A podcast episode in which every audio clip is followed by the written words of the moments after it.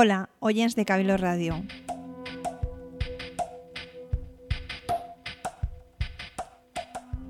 Soc Virtu i tot que d'este últim mes s'ha parlat prou de temes informàtics als mitjans de comunicació, temes com el peritatge informàtic d'uns portàtils sense disc dur, en el cas Bárcenas, o la compra del fabricant de mòbils Nokia per part del gegant Microsoft, avui anem a parlar d'una aplicació que estic segura que gasteu a diari per comunicar-vos, el WhatsApp.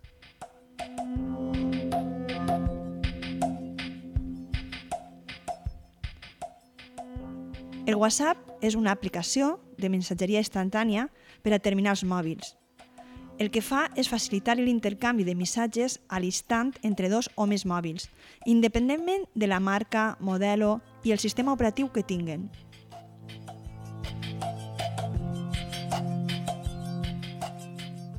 La facilitat del seu ús i, sobretot, la gratuïtat del servici, als començaments, ha permès que la gent el gaste com a substitutiu del tradicional SMS.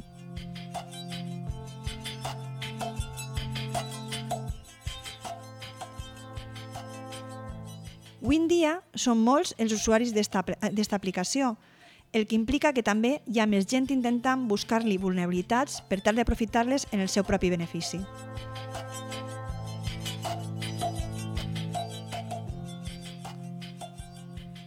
Al programa d'avui el que anem a fer és un repàs d'alguna d'aquestes errades de seguretat, per tal de que les coneguem i sabem com afrontar-les.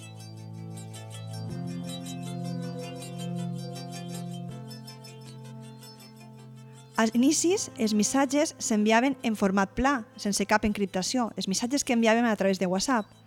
Això què implica? Molt senzill. Si ens connectàvem a través d'una wifi pública, podien interceptar i llegir el que un altre usuari de WhatsApp estava enviant i rebent des de la mateixa xarxa. Segurament penseu, total, el que escric per WhatsApp tampoc és important.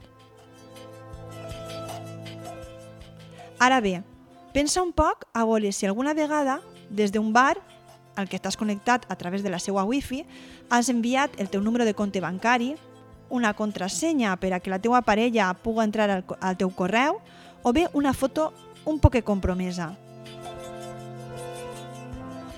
Si és així, ja saps que si algú amb coneixements hagués estat en aquest mateix bar connectat a la mateixa wifi, haguera pogut interceptar aquesta informació.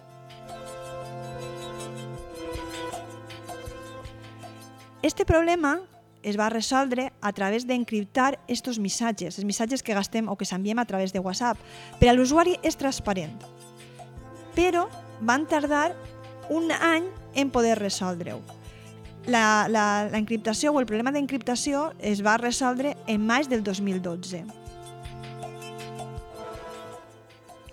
Altres sistemes, com Line, que també és un sistema d'intercanvi de, de, de, de missatgeria instantània per a mòbils, des de que han eixit al mercat, ho han fet encriptar la informació. Han sabut avançar-se al, al problema.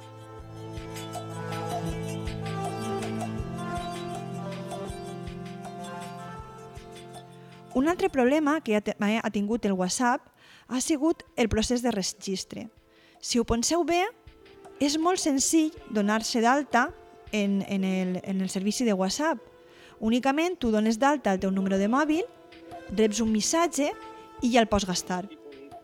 El fet de ser tan simple ha fet que investigadors hagin aconseguit enganyar el sistema i segrestar els missatges, per tant, de gastar un identificador de WhatsApp que no és seu. Quina finalitat pot tindre? Simplement suplantar la identitat d'algú. Enviar missatges com si fores una altra persona, és dir, estan gastant el número del mòbil d'una altra persona, eh, dir barbaritats eh, a gent eh, que tens en una llista de contactes mm, suplantant la identitat d'aquesta persona, és dir, mm, en realitat res bo. Aquestes incidències han sigut a dia d'avui resoltes en forma d'actualització. Per això sempre és important actualitzar les aplicacions. És dir, quan en, en el nostre mòbil ens apareix eh, eh, un, un, una alerta indicant que hi ha actualitzacions disponibles d'una aplicació que tenim, la recomanació nostre és sempre actualitzar-les. Revisar bé els permisos que tenim que, que donem i actualitzar aquesta aplicació.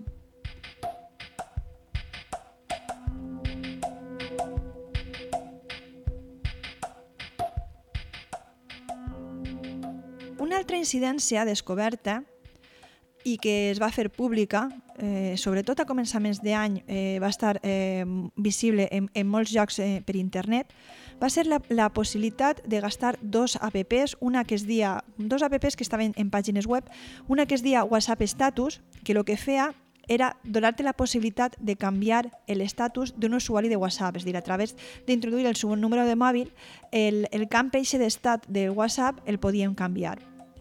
I l'altra era eh, una altra aplicació que, que, que es diu WhatsApp eh, Wire, que el que fa en aquest cas és tu introduïsques el número de telèfon, un número de telèfon, el que tu vulguis, i el que està extraent tota la informació d'aquest usuari de WhatsApp. És a dir, t'apareix la seva foto de perfil, el seu estat, eh, la frase d'estat que, que normalment solem eh, col·locar, la última connexió que ha fet a, a WhatsApp, és a dir, estem obtenint tota la informació d'un usuari de WhatsApp al que pot ser ni coneguem.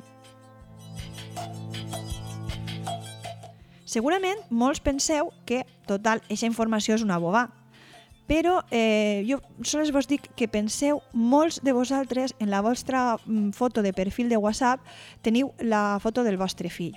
Normalment, quan són bebès, normalment eh, la majoria de la gent solen posar eh, la foto del seu fill al WhatsApp. Eh, què passava en aquesta aplicació, sobretot en el WhatsApp Wire?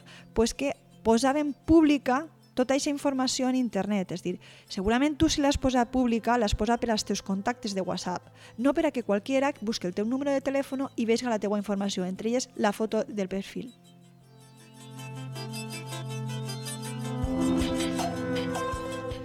L'impacte d'aquestes aplicacions eh, va fer que eh, WhatsApp tinguera que posar-se les piles i millorar en seguretat.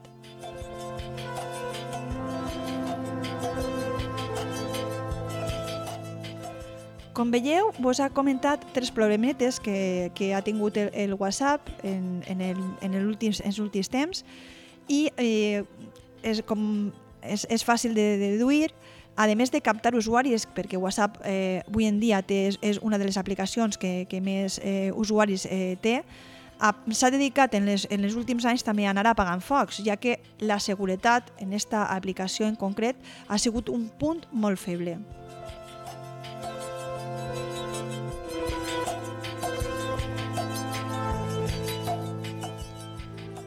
El nostre consell és recordar que és una aplicació que es gasta per enviar eh, missatges instantanis i que, per tant, n'hi ha que gastar-la en conseqüència.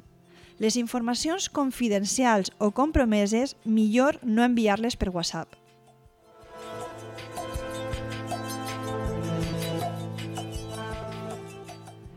Per últim, comentar-vos dos cosetes. La primera, eh, algo que, que ara fa un moment m'ha preguntat una persona, és dir, eh, què passa? Eh, WhatsApp és gratuït o no és gratuït? Eh, tenim que pagar per, per ell? És, és un servici, és dir, WhatsApp va, va eixir inicialment com un servici gratuït, eh, ha, ha crescut molt el número d'usuaris i WhatsApp n'hi ha que pagar-lo per seguir mantenint-lo. ¿vale? La segona coseta és comentar-vos, perquè potser vos arriben correus, podeu veure al Facebook sobretot, eh, una sèrie d'aplicacions que estan eixint. Eh, mm, una, per exemple, en concret que es diu el WhatsApp espia i una altra que es diu WhatsApp en tu PC, Eh, la primera, la WhatsApp espia, el que intenta és eh, dir que tu t'instal·les aquest programeta i podràs espiar als teus contactes i podràs informació, eh, eh, eh, consultar les converses de WhatsApp de, de, de contactes teus. I la segona és per gastar el WhatsApp des del teu ordinador. Ninguna de les dues aplicacions són reals.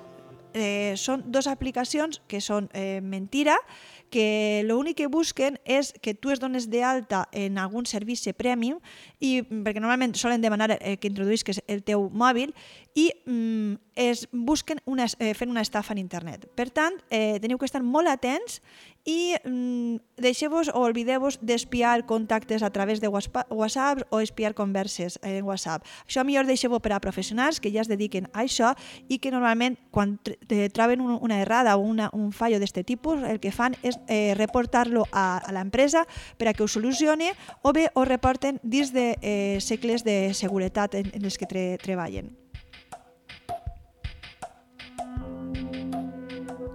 Als peus d'aquest àudio, el que veureu serà eh, dos, eh, en concret hem, hem deixat dos enllaços de eh, dos blogs en els que n'hi ha uns posts eh, en els que es parla de mm, algunes cosetes que normalment els usuaris eh, que s'inicien en WhatsApp tenen dubtes, com eh, si es pot bloquejar un usuari, si jo bloquejo un usuari sap si eh, vaig a veure-lo, eh, què és exactament bloquejar a un usuari.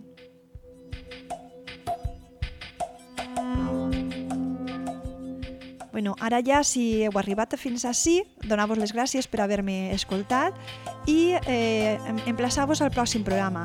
En el pròxim programa eh, hem pensat que anem a parlar-vos de les toolbars.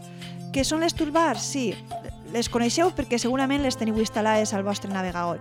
Quan obrim, obrim l'Internet Explorer, el Firefox, eh, a part de el, la, el lloc en enclavem l'enllaç per anar a una pàgina web, ens apareixen un mogolló d'iconos eh, per a entrar al Facebook, per a fer mensatgeria, per a bus búsquedes ràpides... Tot això són barres que ens han instal·lat en el navegador i que ningú sap com les han instal·lat, però que les tenim ahí i que estan gastant recursos. Fins la pròxima vegada. Gràcies.